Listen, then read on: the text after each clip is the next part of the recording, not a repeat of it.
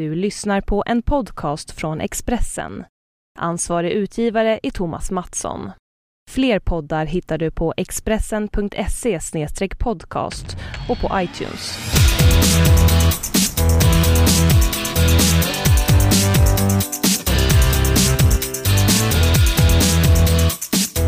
Då mina vänner har det blivit dags att säga välkomna till det 22 avsnittet av vår podcast Anna och Pam om sport och sånt. Välkommen Väl- hit Pamela. Ja men tack så mycket Anna och det som är så häftigt den här gången det är att vi har en gäst med oss. Ska vi ta Och- första rubriken då? Ja, vi gör det. Veckans gäst! Tada! Da, da, da. Författaren, krönikören, föreläsaren, men kanske framförallt inspiratören Hillevi Wahl. Välkommen. Tack så hemskt Och mycket. idrottaren skulle jag vilja lägga till. Idrottaren, Ja, ja, men det är väl ett bra epitet. Fast om du får välja, vad vill du kalla dig? Oj, jag vet inte. Träningstokig.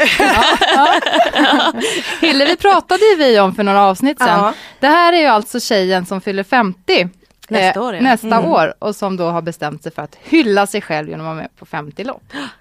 Och hur har det gått så här långt? Jag har gjort 12 nu Ja. och det blir bara roligare och roligare för att jag upptäcker ju fantastiska saker om mig själv. På ett lopp så kom jag trea. Wow! Alltså fattar ni? Och det var ju så här, jag har ju aldrig någonsin stått på en prispall i hela mitt liv. Det har ju Ursvik där och vi var ju inte så många som startade och just Nej. därför så har man, alltså bara man dyker upp så har man pall. Ja, men, men känner Men du också att va, efter varje lopp att du blir starkare och starkare? Alltså det blev ju framförallt, ja det är ju. Ja. Senaste här nu, då var det så här litet lopp då, för jag skulle egentligen sprungit ett längre, men då blev det ett litet sånt här eh, kvarterslopp nästan som bara var tre kilometer. Ja. Och då visade det sig att det var jag och åtta såna här riktiga atleter, alltså riktiga såna här eh, snabbspringande människor. Och, och jag blev ju jättenervös, för jag, och det var inte snitslat eller någonting, för man, de andra hittar ju där. Så jag fick ju ta rygg på dem, så jag sprang ju fortare än jag någonsin hade gjort. Jag som springer på kanske 6.30 annars, jag sprang Ja. ju på 5.22. Wow! Vad du kan pressa. Men då har, bor en liten täv- tävlingsdjävul i dig med andra ord. Nej det var bara ren överlevnad tror jag. Då. Att komma runt. Men som du säger, då plötsligt inser man att man har den här förutfattade meningen om sig själv att jag kan absolut inte springa under sex. Ja. Alltså, jag kan pressa mig ner till sex men inte, inte längre. Och så plötsligt kan man det. Alltså, då, då flyttas ju de här sanningarna man har om sig själv. Det är lite häftigt. Ja, det låter ju fantastiskt tycker jag. Men det som är mest häftigt med dig tycker jag är att, att träningstokig säger men det har det ju inte alltid varit utan det har det ju liksom blivit de senaste åren. Ja, jag blev... Det är aldrig för sent med andra ord. Nej, jag var ju 45 när jag började inse att jag tyckte det var kul med träning. Innan dess så kunde jag liksom inte fatta varför folk skulle svettas i onödan. Jag, och, och jag hade också den här uppfattningen om mig själv att jag eh, inte, jag var helt säker på att jag inte kunde springa. Det, var jag, liksom, det hade jag med mig sedan jag var barn. Alltså jag var ju den här som valdes bland de sista. Jag var liksom klabbet då på Ja. djupa timmarna. Jag kom inte upp i något rep, jag kom inte över någon plint. Jag, kom, alltså, jag kunde absolut inte springa 60 meter utan att liksom nästan dö halvvägs och så. Och på något sätt var det, det accepterade jag att ja, men liksom, huvudet funkade. Jag var liksom, ja. Alltså halsen uppåt, det, det, var har, det har alltid funkat men resten har liksom bara fladdrat ganska fritt. Så. Och, och, så, och, den, ja, och så jag har varit bra på andra saker.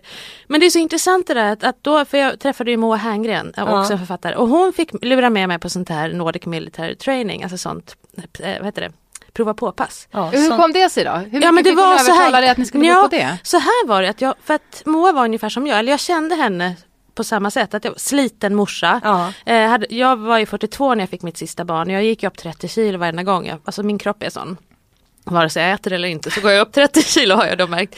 Eh, och, eh, och du vet hade jag någonsin haft några muskler så hade jag inte det sen. Och, och jag så hade liksom ont i hela kroppen, Ja. jättesliten.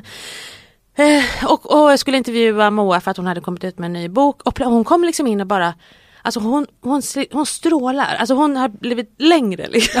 alltså, jag Ja, vet inte. Och, bara, liksom, och jag tänkte så att hon har blivit kär eller någonting för det var så hon såg ut. Och, men då sa hon nej, så här, milit, Nordic Military Training sa hon. Och så berättade hon mer om detta än om sin Ja, bok då, ja.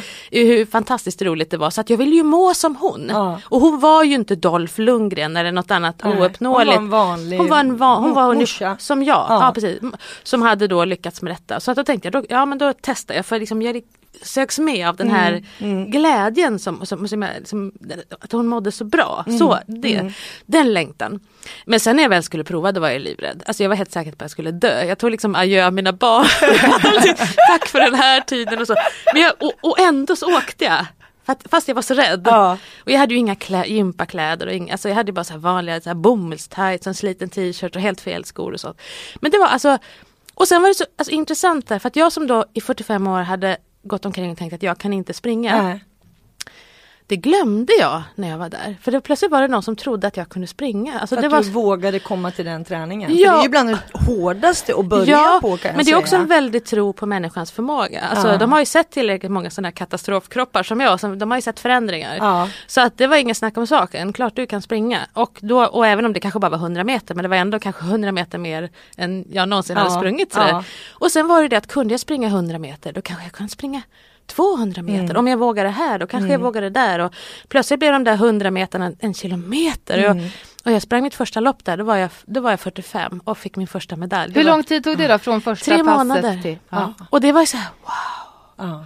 Och nu är jag ju sån som liksom springer fjällmaraton och allt möjligt. Och det är fortfarande inte särskilt fort och inte särskilt snyggt. Men jag springer, jag är som en sån här Ja. humla som Ja. inte vet att den inte kan Ja, men, flyga. gud vad härligt, ja, men det låter ju Och det är ju fantastiskt. häftigt. Mm. Så då har du hållit på och tränat, varit träningstok i fem år då? Ja precis, jag hade en liten, eh, vad ska man säga, kroppslig svacka. Jag fick något konstigt virus som gjorde att jag inte kunde träna nästan på ett helt år. Alltså, eller träna väldigt extremt lite Ja, då. ja. För då hade jag blivit träningstokig. Ja. Och då märkte jag hur dåligt man mår när man inte får Mm, Man får- träna. ja. Alltså man blir ju nästan deprimerad i kroppen. Ja. När Men man hur då- kommer det sig att du liksom bestämde dig för de här 50 loppen då? För jag menar Ja. precis som du sa, du, du kör Nordic eh, Military Training och älskar det. Men du har inte eh, riktigt älskat att springa och helt plötsligt så bestämmer du för att springa 50 stycken Ja. på ett år. Ja, nej men just det här att springa, det har en kompis som är är rally-Sally i Malmö, hon är en gammal barndomskompis. Och hon sa någonstans till mig att hon, hon har precis också, jag har inspirerat henne att börja springa, men hon har ju ben långa som ösregn så att hon har ju lite lättare för sig tycker jag då. då. Ja. Men hon,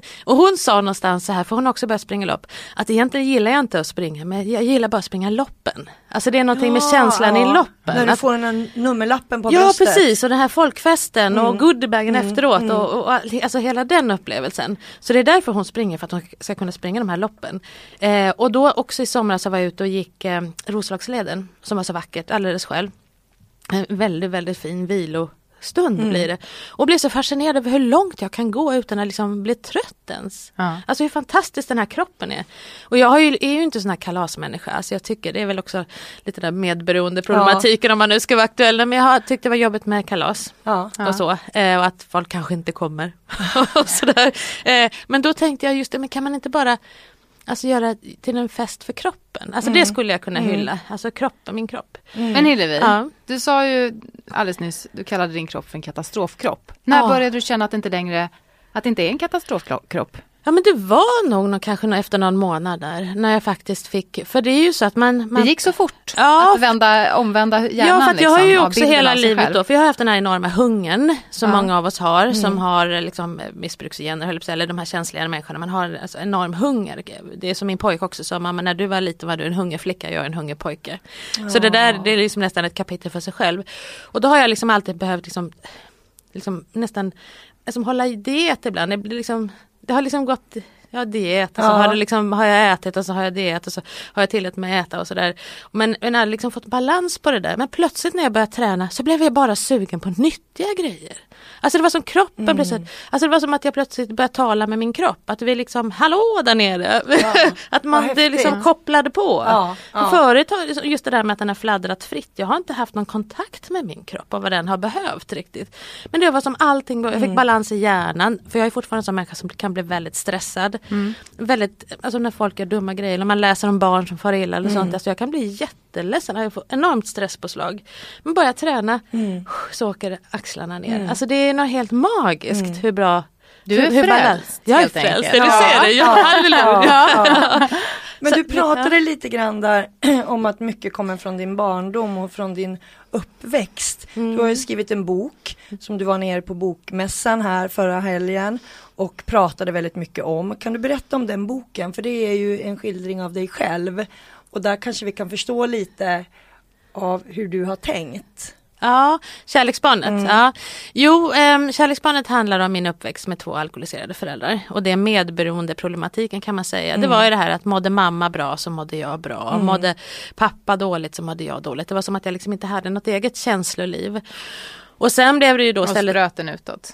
vad sa du? Och spröten utåt. Ja men och att då kan man ha enorm Ja. stress också, att man aldrig får vila, att man hela Mm. tiden måste vara på sin vakt. Så man lever, och jag hade ju inte träningen då, alltså Nej. stress, eh, utan det var ju, det, ja, det jag hade kanske var läsning eller Mm. något sånt, eller att man fick komma till någon och vara hos någon gammal pensionerad lärare och sånt där. Men det var ju den vilan jag hade, men inte det här, för det skulle jag önska att jag hade träningen. Ja. Men, och sen ställdes Men det tror du att du hade, det är svårt att, att, backa tillbaka så, men tror du om någon hade introducerat dig, hade du mått annorlunda då tror du? Om någon hade introducerat Alltså dig för träningen ja, så jag tidigt? skulle tro att jag, ja, att jag hade haft ett, ett, ett annat redskap till att stressa av Mm. faktiskt. Sen hade jag ju, när jag var i skolan kände jag mig också ganska trygg. För Mm. det, det kunde jag ju, jag var, hade ju bra läshuvud och sånt.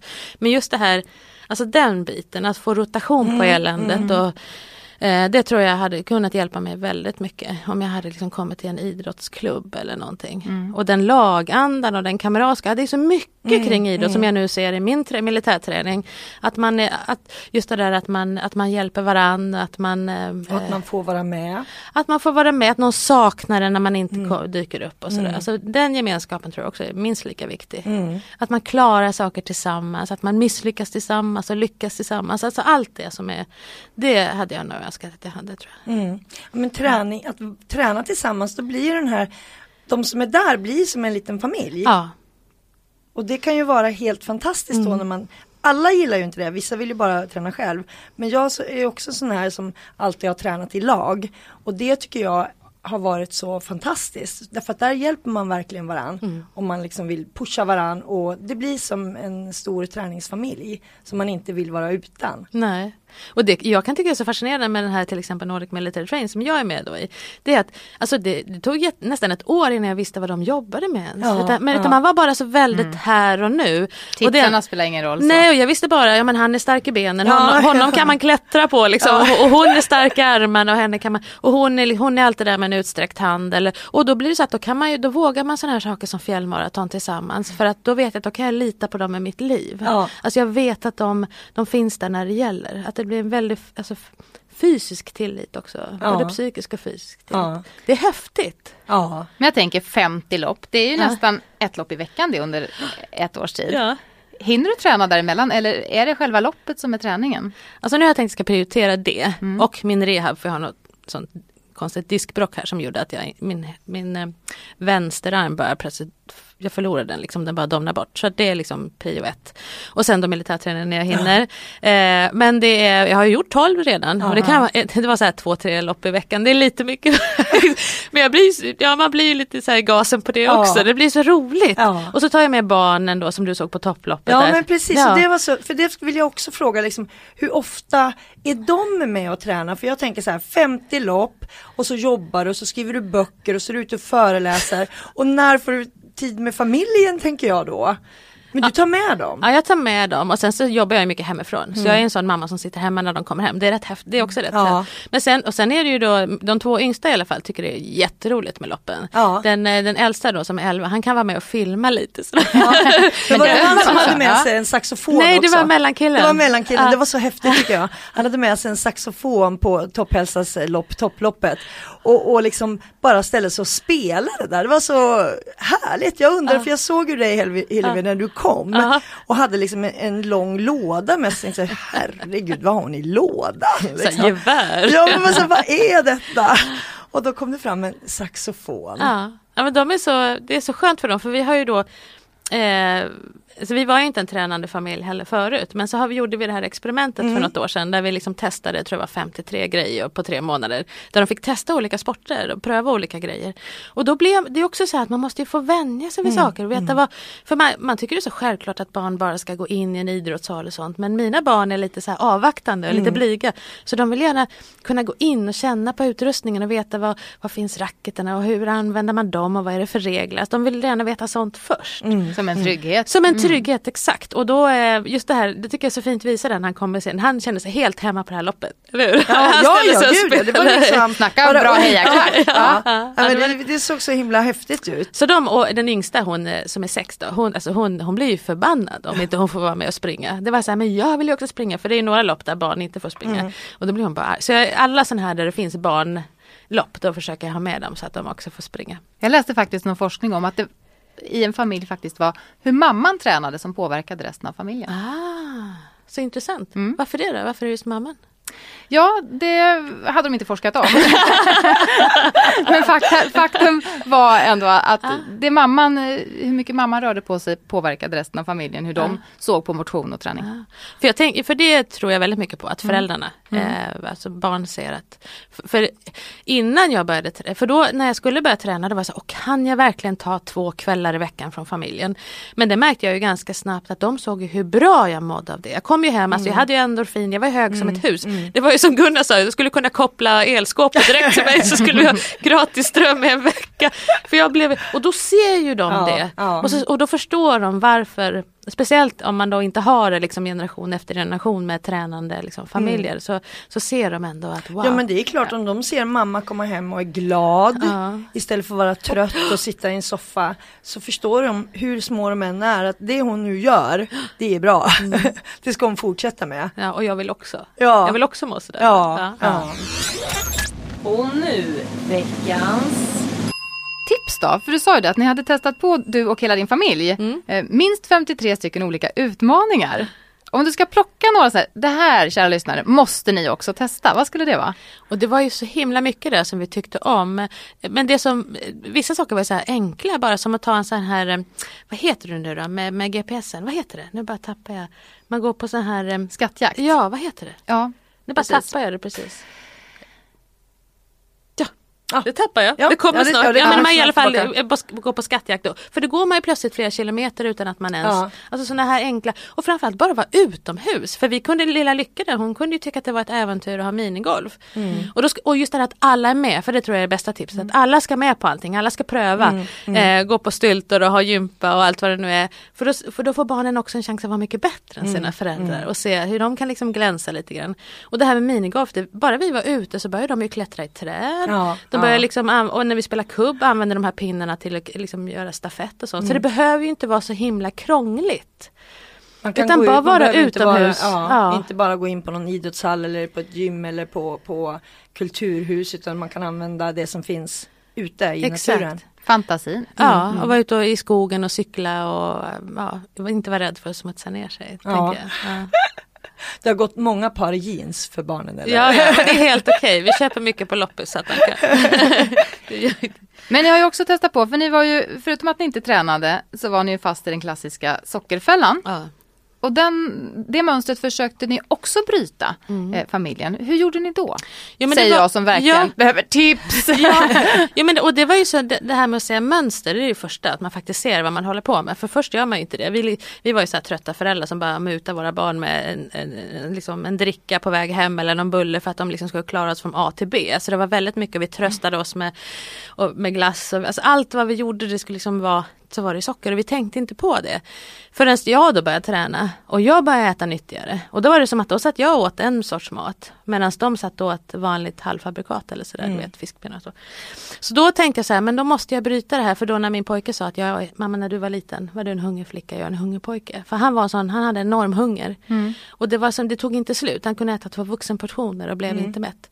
Och då var jag i samband med när jag skrev den här boken då, Extremt kul som var den andra boken, så, så lyssnade jag på en forskare som sa att vissa barn föds hungrigare än andra. Så är det bara. Att det är liksom, jag kan säga ett defekt. Eller vad man ska säga. Och då måste man, då är träning en sån himla bra grej. Men också att man får bra mat. Alltså med proteiner och så. Och ta bort socker. Helst. Ja.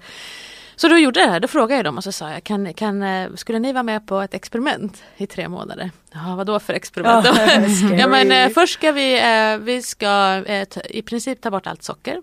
Vad betyder i princip? Så. och då sa ja men man får äta en glass på lördagar. Ja. Och så om det är på kalas, för att det skulle inte vara krångligt Nej, heller.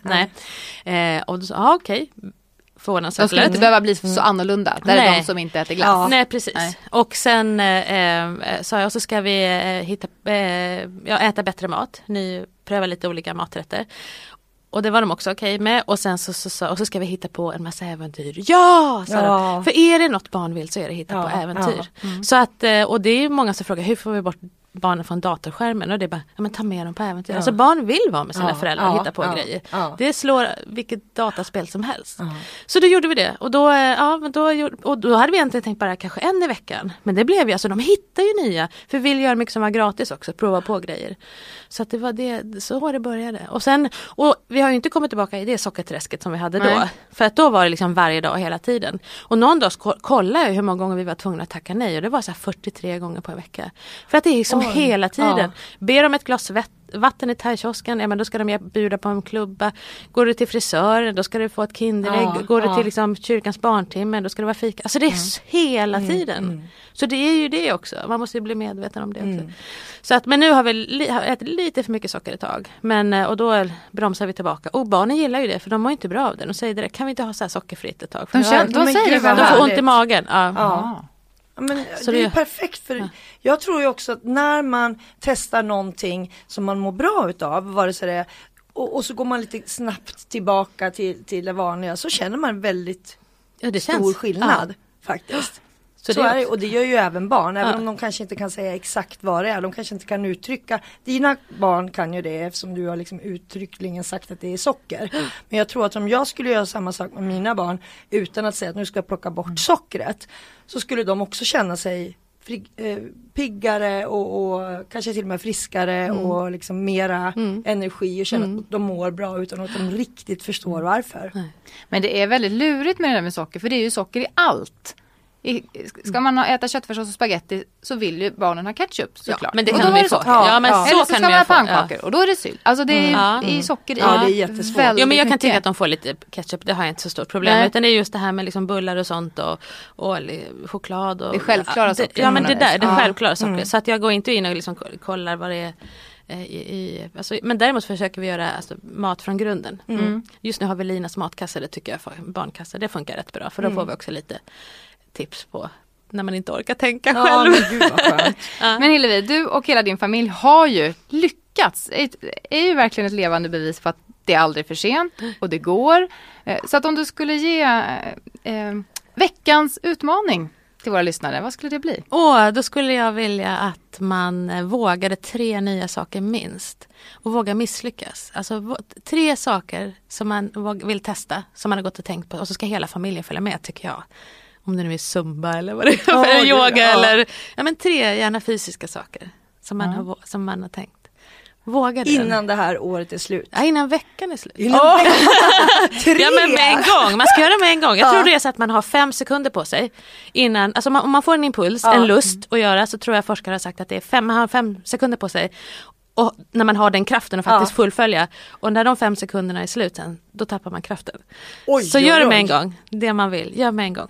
Är det något som du tänker på direkt Pam, som du tänker försöka utsätta dig själv för? Som du har gått och längtat efter men inte vågat? Du, nej, det är det faktiskt inte för jag har vågat ganska mycket men jag Mm. eh, kommer ju vara i Portugal när den här eh, podden sänds. Och då kommer jag försöka faktiskt, jag har ju haft ganska, eller väldigt svåra skelettsmärtor under hela sommaren och hela hösten fram till nu när det känns som att det börjar trappas av lite. Så min utmaning kommer faktiskt vara att börja gå med stavar igen. Väldigt långsamt för att vänja kroppen och ja, och försöka stå emot de här smärtorna. Bara att komma ner i ett par gymnastikskor. Eh, det är min utmaning och det ska jag försöka klara av. Det kommer gå, jag ser det på dig. Ja men jag är ju, jag är ju tävlingsmänniska. Ja. Till skillnad från många andra. Jag, vill ju, jag vägrar ju att förlora. Men det finns ju också saker när kroppen säger totalt ifrån. Och när man ska lyssna på kroppen. Och när man ska Exakt. lyssna på den. Helt. Vilan är ju inte minst viktig också. Det är också Absolut, så. ja. Det är vi ganska dåliga på. Mm. Att vila i sina segrar. Mm, Att mm. faktiskt stanna upp en sån och tänka, det här har jag gjort. Vårt hem är ju fullt av medaljer. Mm. Och, det, och det är ju så häftigt. Vart har du dem någonstans? Överallt, de hänger liksom på speglar och på porträtt och på liksom, vi bara Men hänger. det tycker jag är så häftigt, för man ska göra det. För vare sig man, man får, många får ju medaljer även när man är liksom trettonde man och sådär. Ja. Men det spelar ingen roll, Nej. de ska ju hänga det för det är ett bevis på att man, har, gjort något bra. Ja. Att Jag bara har ha ju- utmanat sig själv. Bra där Hillevi, ingen byrålåda. Jag hatar de här, eh, hatar ett för stort ord, men jag ogillar när de här stora mästarna inte riktigt vet vart de har sina medaljer. Jag tycker så här, va? Vet du inte var du har din OS-medalj? Fast jag tror, inte, jag tror inte att det är själva medaljen som är så viktig då, utan det är känslan de har upplevt och målet i sig. Ja men ändå, jag, tycker, Ja, men jag- jag, gillar jag att vi går runt och jätte- Mm. ser de här och ändå, och, och för då får man ju den här känslan av att fan jag duger ju. Jag har ju gjort det här. Det Det, här har kan ingen gjort. någonsin ta ifrån mig.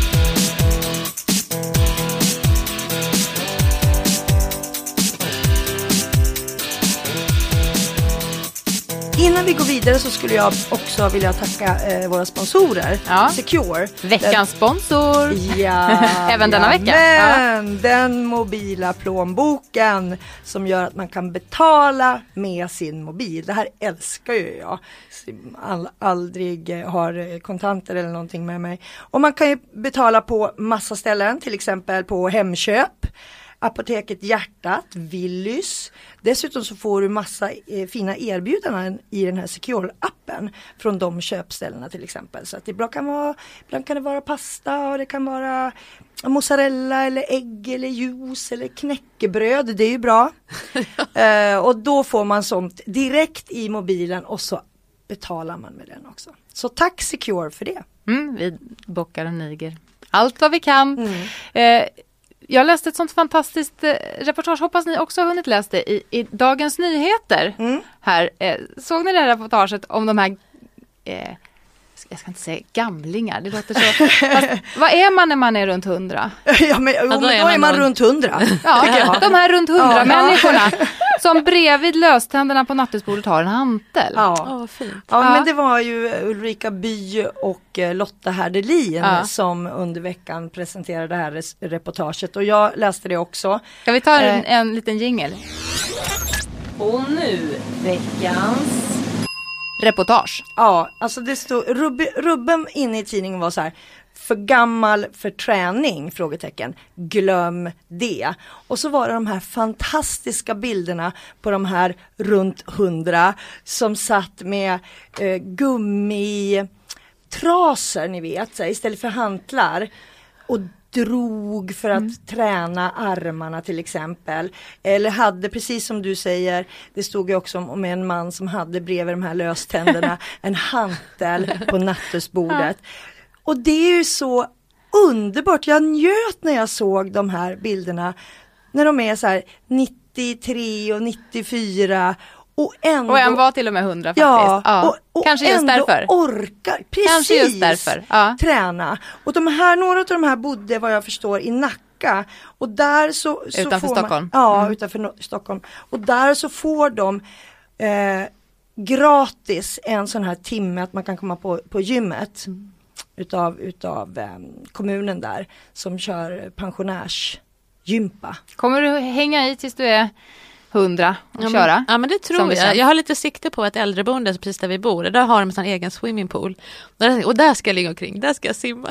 tänker, ja, men absolut, jag tror det. Och, ja. att man, och jag tycker det är så skönt när man ser dem där på loppen när det är någon, någon 75-80-åring. Ja, ja. För, då, för det visar ju också hur att man kan, Ja. att man kan fortsätta. Det var som när jag var på det här loppet där jag var en av åtta. I det här, för då var de väldigt tävlingsinriktade i just den här stadsdelen förstod man. Det var lite posh. Så. Eh, och man förstod att de hejar på barnen väldigt mycket för att de skulle vinna, inte Ja. liksom bara ta sig runt. Eh, och då när jag då höll att säga, stapplade runt. Snabbare än någon gång tidigare, ja. Men då var det som att, åh, då såg man hur alla de här andra föräldrarna tänkte, ja men om hon kan, då kanske vi kan springa nästa år. Ja. Att man, att, ja, så att jag tycker det är jättehärligt när man ser de som är 60, 70, 80 ta sig runt där, för det, det blir man glad av. Mm. Ja. Vi hade ju på en av våra träningsresor till exempel förra året en kvinna som var 82 som var med på träningsresa. Ja, men gud, hon är den här ynglingen om man läser det här reportaget. Ja men precis, Ja, men åker själv ner till Ja. Portugal och är med på träningsresan. Är inte det helt fantastiskt? Va? Jo. Jo. Och det är samma sak med Tjejmilen, det. jag var och pratade med några där eh, och då var det de som hade åkt, jag vet inte hur länge de höll på med den, 28-30 år kanske. Ja, ja. Och, och den som ordnade resan, hon var någonstans runt 75-80. Ja, ja. Nu kunde inte hon vara med själv längre men då var hon med liksom runt som eh, Peppade. hangaround och Ja. liksom peppade precis och Ja. fick känslan ändå för loppet och, och var med. Så att, eh, ja. Ja men det är ju så, man behöver ju inte springa ett maraton om man är hundra. Utan man får ju anpassa. Exakt. Men, men det går ju att göra någonting. Det är klart att leder och allting Ja blir lite lite smidigare när du är hundra om du har rört på dig. Ja, ja, eller rör på dig dagligen. Än, än om du bara sitter. Och sen vet man ju också, jag som är så involverad i det här med psykisk hälsa och så, alltså man vet ju nu att stillasittandet i sig, Mm. alltså stillasittandet i sig kan orsaka depressioner och det är en stor del av det. Just därför att man, kroppen går in i viloläge, Mm. alltså hela, det blir ingen rotation på någonting, vare sig hjärnan eller blodet eller hjärtat. Mm. Så, att, så det här med att vi sitter stilla så mycket och då inte minst gamla människor som inte kommer ut, alltså det är ju förödande för psyket. Mm. Jag brukar säga att sitta är det nya röka. Det är så, Ops, vi står alla tre nu när vi poddar. Nej, men det är ju så, för det är så farligt Ja. är det faktiskt. Ja. Förutom att det kanske inte gör någonting direkt mot lungorna som rökning gör. Men det är faktiskt jättefarligt att bara sitta rakt upp och ner som man gör. Så där, precis som Anna säger, så därför står vi alla tre här. Och sen skulle jag vilja slå ett slag för att springa ut i naturen också. Mm. Att vara ute, för det är ju helande i sig. Det här, ja, syret och ljuset och allting. Ja. Mm. Och det vackra, det är ju en helt annan sak att göra sit-ups under stjärnorna eller under en blå himmel. Liksom. Ja. Än att göra det på ett svettigt gym. Ja. Och framförallt nu när vi går mot mörkare tider, jag menar då kan man passa på faktiskt att gå ut på lunchen. Jag brukar ha, innan jag var eh, som nu med skelettont och sådär, så hade vi på jobbet faktiskt eh, promenadmöten. Det vill säga att du går ut och så har du samtal medan du går. Mm, Men det verkar bli vanligare och vanligare. Ja, och det här det med golfmöten har ju varit. Men det har ju liksom Ja. varit eh, lite grann eh, de manliga vdarnas arena. Att de har ett möte och då går de ut och golfar. Mm, Eh, Men att nu är det mer vedertaget mm, att mm. Man, man tar ett möte via en powerwalk Mm, eller, mm. eller så. Det är ju Det är ju jättebra. även i terapisammanhang. Ja. I terapisammanhang säger Ja. man walk and talk. Ja, man. men det är Ja. jättebra. Mm. Så hade jag mitt samtal med min chef till exempel i höstas när man ska liksom, ja, men, gå igenom året och sådär. Så var vi ute i en och en halv timme och gick. Ja. Och, och det som är så skönt då, det är också att man inte behöver sitta där med sitt eh, penna och papper med datorn eller någonting, utan man liksom, det känns som att man tänker bättre. Ja, det gör Det man. gör det man lossnar ju. grejer. Eller hur? Ja. Och man Ja. vågar säga saker på ett annat sätt om det är någonting som man inte är så här jättenöjd med när man går där bredvid sin chef och, och svettas lite grann. Och ser att hon också svettas. Och att jag kanske till och med är lite bättre än henne.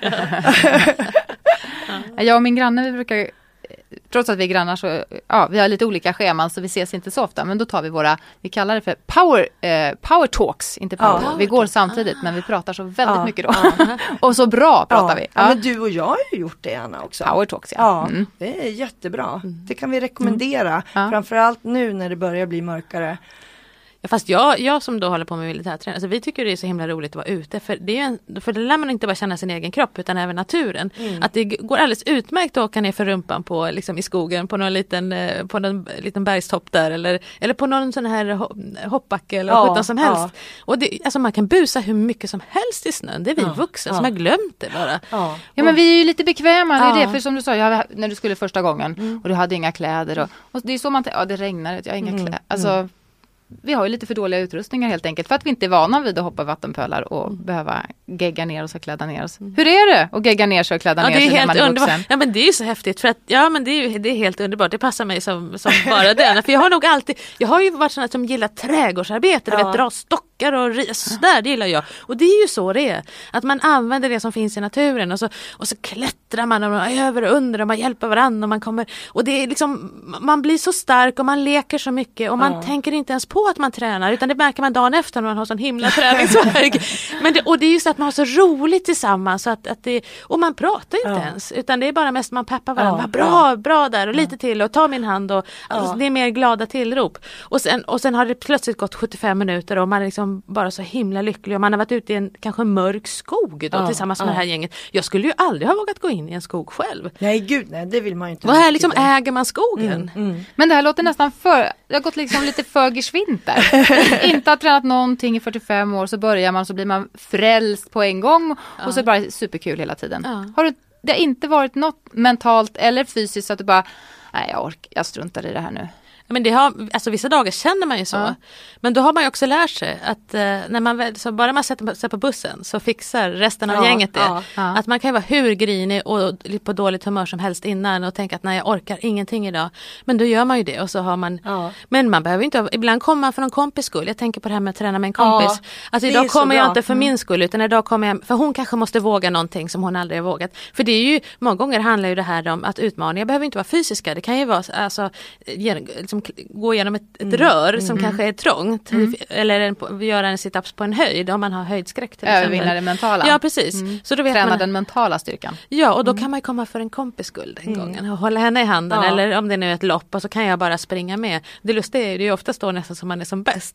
De där gångerna när man går dit för någon annans skull. Men jag tänker också att ibland så är det så bra att man vet att det står någon och väntar så man kan ju inte banga. Nej. Man kan inte låta sin kompis bara stå och vänta liksom. Nej. Och, och man, man själv känner, "Aj, ja idag orkar jag inte. Det är så himla bra, för då måste man ju gå. Man ska stämma träff, vi ses där och är man bara två då funkar det ju inte. Är man tre eller fyra, ja men då kanske man kan banga om det skulle vara så, men två, nej, då är det bara att gå. Ja men också det här som jag lärt att man fullföljer. Det är en liten militär, att man Ja. fullföljer, har jag sagt att jag ska så, så fullföljer jag. Ja. Därför att man vet hur det känns när man inte har fullföljt och man vet hur det känns när man har fullföljt. Att Det behöver inte vara det bästa resultatet. Men segern, Jag gjorde det. Jag gjorde det, den Ja. känslan. Ja. Den, och får man inte den, då går man och grämer sig ett Mm. helt år kanske. För att man inte, som när vi var uppe på BAM där, Björkliden Arctic Mountain Marathon. Och förra året så var det så himla dåligt väder. Det var så- alltså dimma och ösregn och vi var så kalla och frusna. Vi hade en med oss som var skadad. Så att vi sa, nej men vi struntar i den där kontrollen. Alltså vi tog ett beslut då i detta läge när vi var som tröttast och eh, psykiskt mest instabila kan vi säga. Oj, det, det, det grävde mig ett år. Jag var tvungen att gå på det där berget igen. För att jag var tvungen liksom att ta alla Och ta- kontroller. ja. För att, åh, det är ju någonting med det där att jag fullföljde inte. Nej. Men nu har du, nu kan du Nu släppa har det. jag, nu kan jag släppa, nu kan jag göra något annat. Jag måste bara, jag, jag hänger kvar vid, lite vid de här 50-loppen. Hur svårt är det att hitta 50-lopp? Inte alls. Jag gick in på vad sjutton heter Och hur den då? dyrt är det att hitta 50-lopp? Eller Ja, det beror på hur 50 man lopp? Ja. gör. Nu eftersom jag gjorde det här till lite, en liten kul grej då. Så, Mm. så, eh, men jag går in på, jag tror den heter loppkalendern. Eh, det är bara att gå in och kolla så finns det liksom överallt i hela Sverige. Ja. Och det är ju, jag vet inte hur många, det är säkert tusen lopp alltså. Om man nu Mm. Jag har valt mest då just runt Stockholm till att börja med.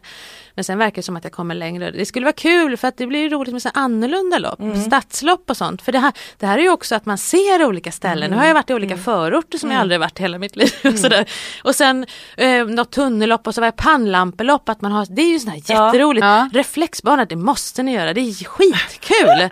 och det är mycket tuffare för då är man så här mentalt eh, på helspänn hela tiden också. Så han sa att det, är sex kilometer sa, men det känns som, som nio och en halv. Eh, men, On, on halv ju. Ja just ja precis. Eh, och, men, och man blir helt slut i hela kroppen som efter minst 10 kilometer. Ja. Men, och, men det är också det här liksom, terräng och så är man får liksom leta efter de här reflex... Och, så, och, det och det är, då är man ju ensam i skogen på ett helt annat sätt och man hör lite prassel där bredvid. Det är bara pannlampan och jag. Liksom, så där Jag kan vara. tänka mig att det blir tvärtom också. När man har annat att fokusera på än trötta ben eller jobbigt Ja, flås. Att ja. man letar reflexer.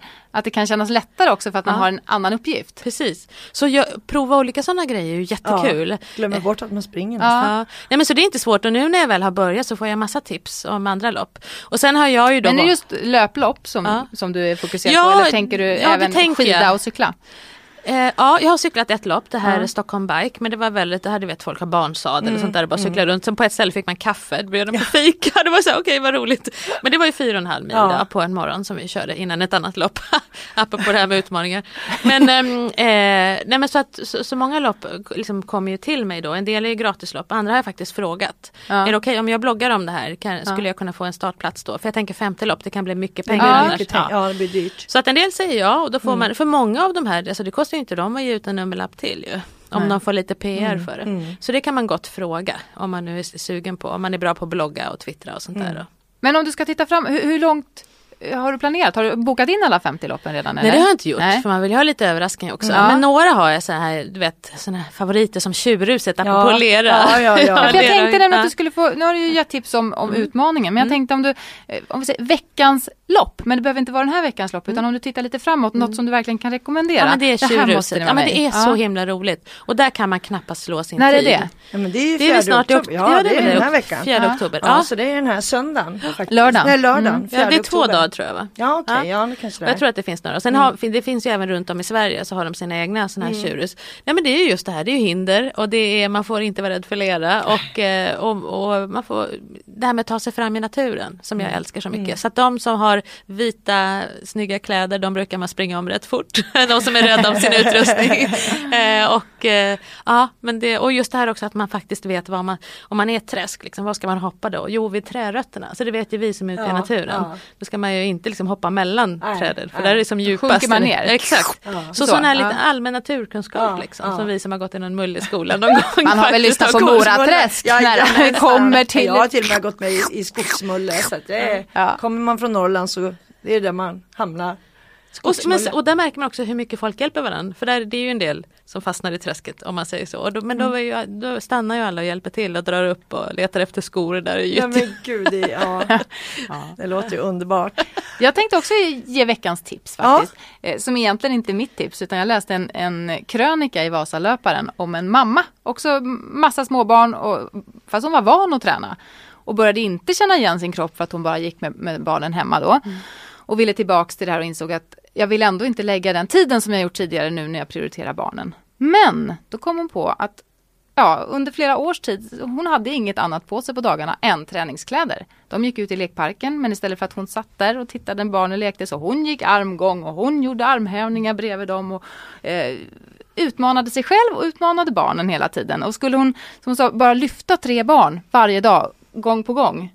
Eh, och då, det blir ganska många kilo på en Ja, dag. ja, gud. Och då så la hon också till allt eftersom liksom att varje gång hon skulle lyfta barnen så gjorde hon en rejäl knäböj också så att hon verkligen fick, eh, fick träning. Så att, eh, istället för att hon då såg barnen att de hindrade henne i sin träning så blev det att det var de som, som blev träningen. För det kan jag sakna ibland det här att man får, att få träna tillsammans med barnen. Vi är så väldigt att liksom, mamma ska träna där och sen ska pappa träna där och sen har kanske 11-åringen en fotbollstik klockan 11 på onsdagar. Men alltså, det vi saknar när vi gjorde det här först, experimentet det var ju, men varför finns inte fler grejer där hela familjen kan träna tillsammans?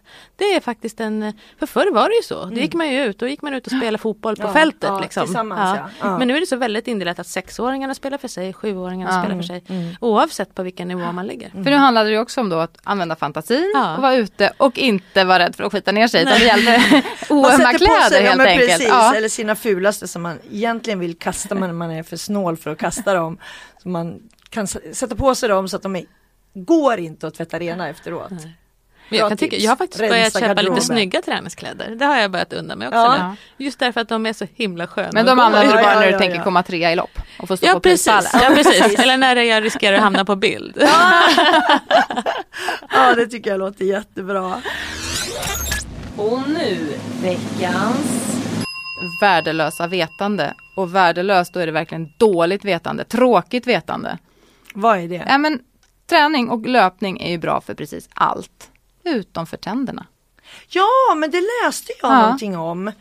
Och vad beror det på? Att man springer med öppen mun och får Ja, massa... de har, de har, ja, men på Nej, riktigt, men det- de, de, de, har gjort, faktiskt. de har Ja. kollat, för de- de förstod inte varför sådana som tränade och sprang mycket hade alltså generellt sämre tandstatus Mm. än de som inte sprang lika mycket. Och de tänkte på om det kunde vara sportdryckerna Mm. eller Dextrosolen eller, men det var det inte utan det är alltså, när man eh, springer så blir det tydligen en annan kemisk, ja det händer Ja, någonting med precis. saliven. Ja, ja, jag läste det här också. Eh, och dessutom den saliven som man då får, för man tillverkar lite mindre saliv när man springer också än annars. Och saliven är ju bra för att skydda Mm, mm. emalj och, och, och tänder. Så det sliter på tänderna helt enkelt. Ja, Mm. Men det måste vara de som springer extremt mycket eller? Ja, de som springer 50 lopp tyckte jag att det stod. Ja, vi får se det. Men annars tänker jag för sim, simmare annars tänker jag med kloren och sånt där. Det måste jag också då får man grönt hår. Ja. Ja, precis. Ja, men då har man ju inte munnen öppen på samma Nej. sätt och då, då drunknar man ju liksom. Ja. Nej, men jag läste också det här just och, och, och det säger ju en hel del för man springer ju inte med stängd mun. gör Det känner man man blir lite Ja. alltså klibbig. Ja, det blir Klibb i munnen. Ja, och behöver liksom någonting att dricka. Absolut. Nej men vi ska väl ta och eh, avsluta den här fantastiska trevliga pratstunden med Hillevi Wahl. Lycka till! Ja. Så hemskt mycket. Eh, Och vad är- fortsättningen. nu, nu vet vi ju att Tjurhuset det, det är nästa lopp. Mm. Ja, eller nästa lopp. Men Jag ska faktiskt springa imorgon kväll. Då är det något som heter Stockholm Park, Pa- Park Running. Och det är sådana här eh, lopp som är välgör, för välgörande ändamål. Ja. gillar jag väldigt Ja men mycket. det är bra. och det är för. Stadsmissionen och de är också väldigt miljömedvetna så man får inte ens en startlapp utan man får Tror jag, eller man får i alla fall ett armband som, eh, som eh, när man liksom går i mål. Som ett- man kan återvinna. Som en slags medalj. Liksom. Ja. Så kan man samla på sig för det är, det en hel serie lopp då, Ja. som är i Stockholms parker. Så det får ni hemskt gärna joina in på. Ja, Anna? Jag åker ju till Portugal så att jag kan ju tyvärr inte, så det blir Anna som gör det då. Fast, faktiskt, jag... Eh, eh, jag vågar inte säga det, du hånar mig bara. Nej, jag gör jag- inte det. Jag hånar väl aldrig Jo, det gör de. Bara. Jag har haft jättekrångliga hälsenor. så det har blivit väldigt dåligt med löpande i nästan ett halvårs tid. Titta, du skrattar. Jag skrattar. Du hånar visst för mina hälsenor. Men, eh, och därför, jag är inte löpstark längre. Så skulle jag ut och så skulle jag försöka, för nu, är, nu kan jag i alla fall gå obehindrat. Och så tänkte jag, jag måste börja testa. Mm. Och det var ju inte roligt, för att vi pratade om löpteknik Ja, i förra ja, podden. ja. Och jag vet ju i huvudet hur jag ska springa, men jag har inte kraften, jag orkar inte springa så. Och att springa kände sig som en lufs, liksom. Mm. det gick långsamt, det gick tungt. Det kändes inte som det gjorde någon nytta ens. Så nu senast så faktiskt så tänkte jag, nej men nu vill jag springa sådär som jag gör i huvudet. Mm. Och det orkade jag i 200 meter. Ja men det är ju 200 Och då var det så. meter. Ja. Men jag gör fartlek tänkte jag. Mm. Inte i sån här klassisk intervallträning för det låter, då ska det ju vara. Utan ja, då sprang jag 200 meter riktigt fint och snabbt. Eh, och sen gick jag tills jag hade liksom kände att men nu kan jag springa igen. Och så, Mm. så det blev väldigt ojämnt hur mycket jag sprang och hur mycket jag gick och sådär. Men bara att få tillbaka den här Mm. känslan och glädjen att känna att jag kan ju ändå det här, Ja, även om jag ja. inte kan springa så långt. Så liksom det här flytet, liksom, när det känns lätt och härligt. Det är häftigt. När man får, jag kom på vad det hette förresten, geocache. När man går med, en skattjakt med sina Ja, barn. ja, nu ja. kom jag på. Åh, vad härligt! Bra, ja men det blir en bra avslutning. Precis innan vi eh, slutar så kom hon på det här. Hillevi, har du testat att sjunga i kör? Nej. Eller jo, när jag var liten. Ja, Ja. För det är någonting som man också mår väldigt bra av och det ska vi prata om i nästa Ja, podd. Då har vi precis. också en gäst. Ja, Men det om det då. precis. Och då avslutar vi tycker jag med att tacka Hillevi Wahl för att du var med oss. Tack, och det det var var väldigt trevligt. jättespännande att få höra dina tankar. Om Inspirerande. alla de här. Ja, Mm. gud det är nästan så att jag skulle kunna tänka mig att springa lite flera lopp. Du fyller ju också 50. topploppet.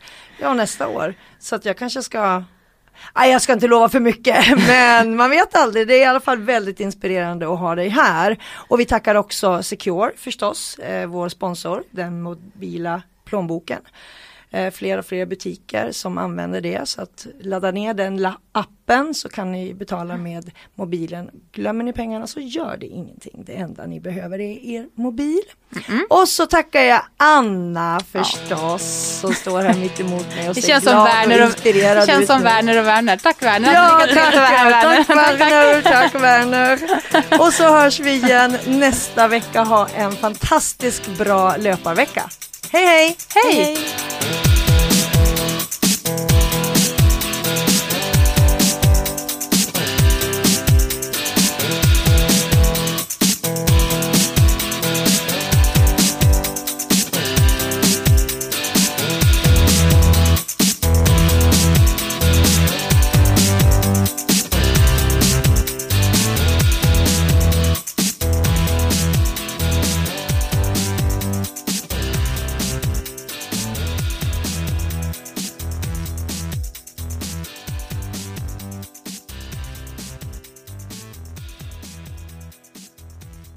Du har lyssnat på en podcast från Expressen. Ansvarig utgivare är Thomas Mattsson. Fler poddar hittar du på expressen.se podcast och på iTunes.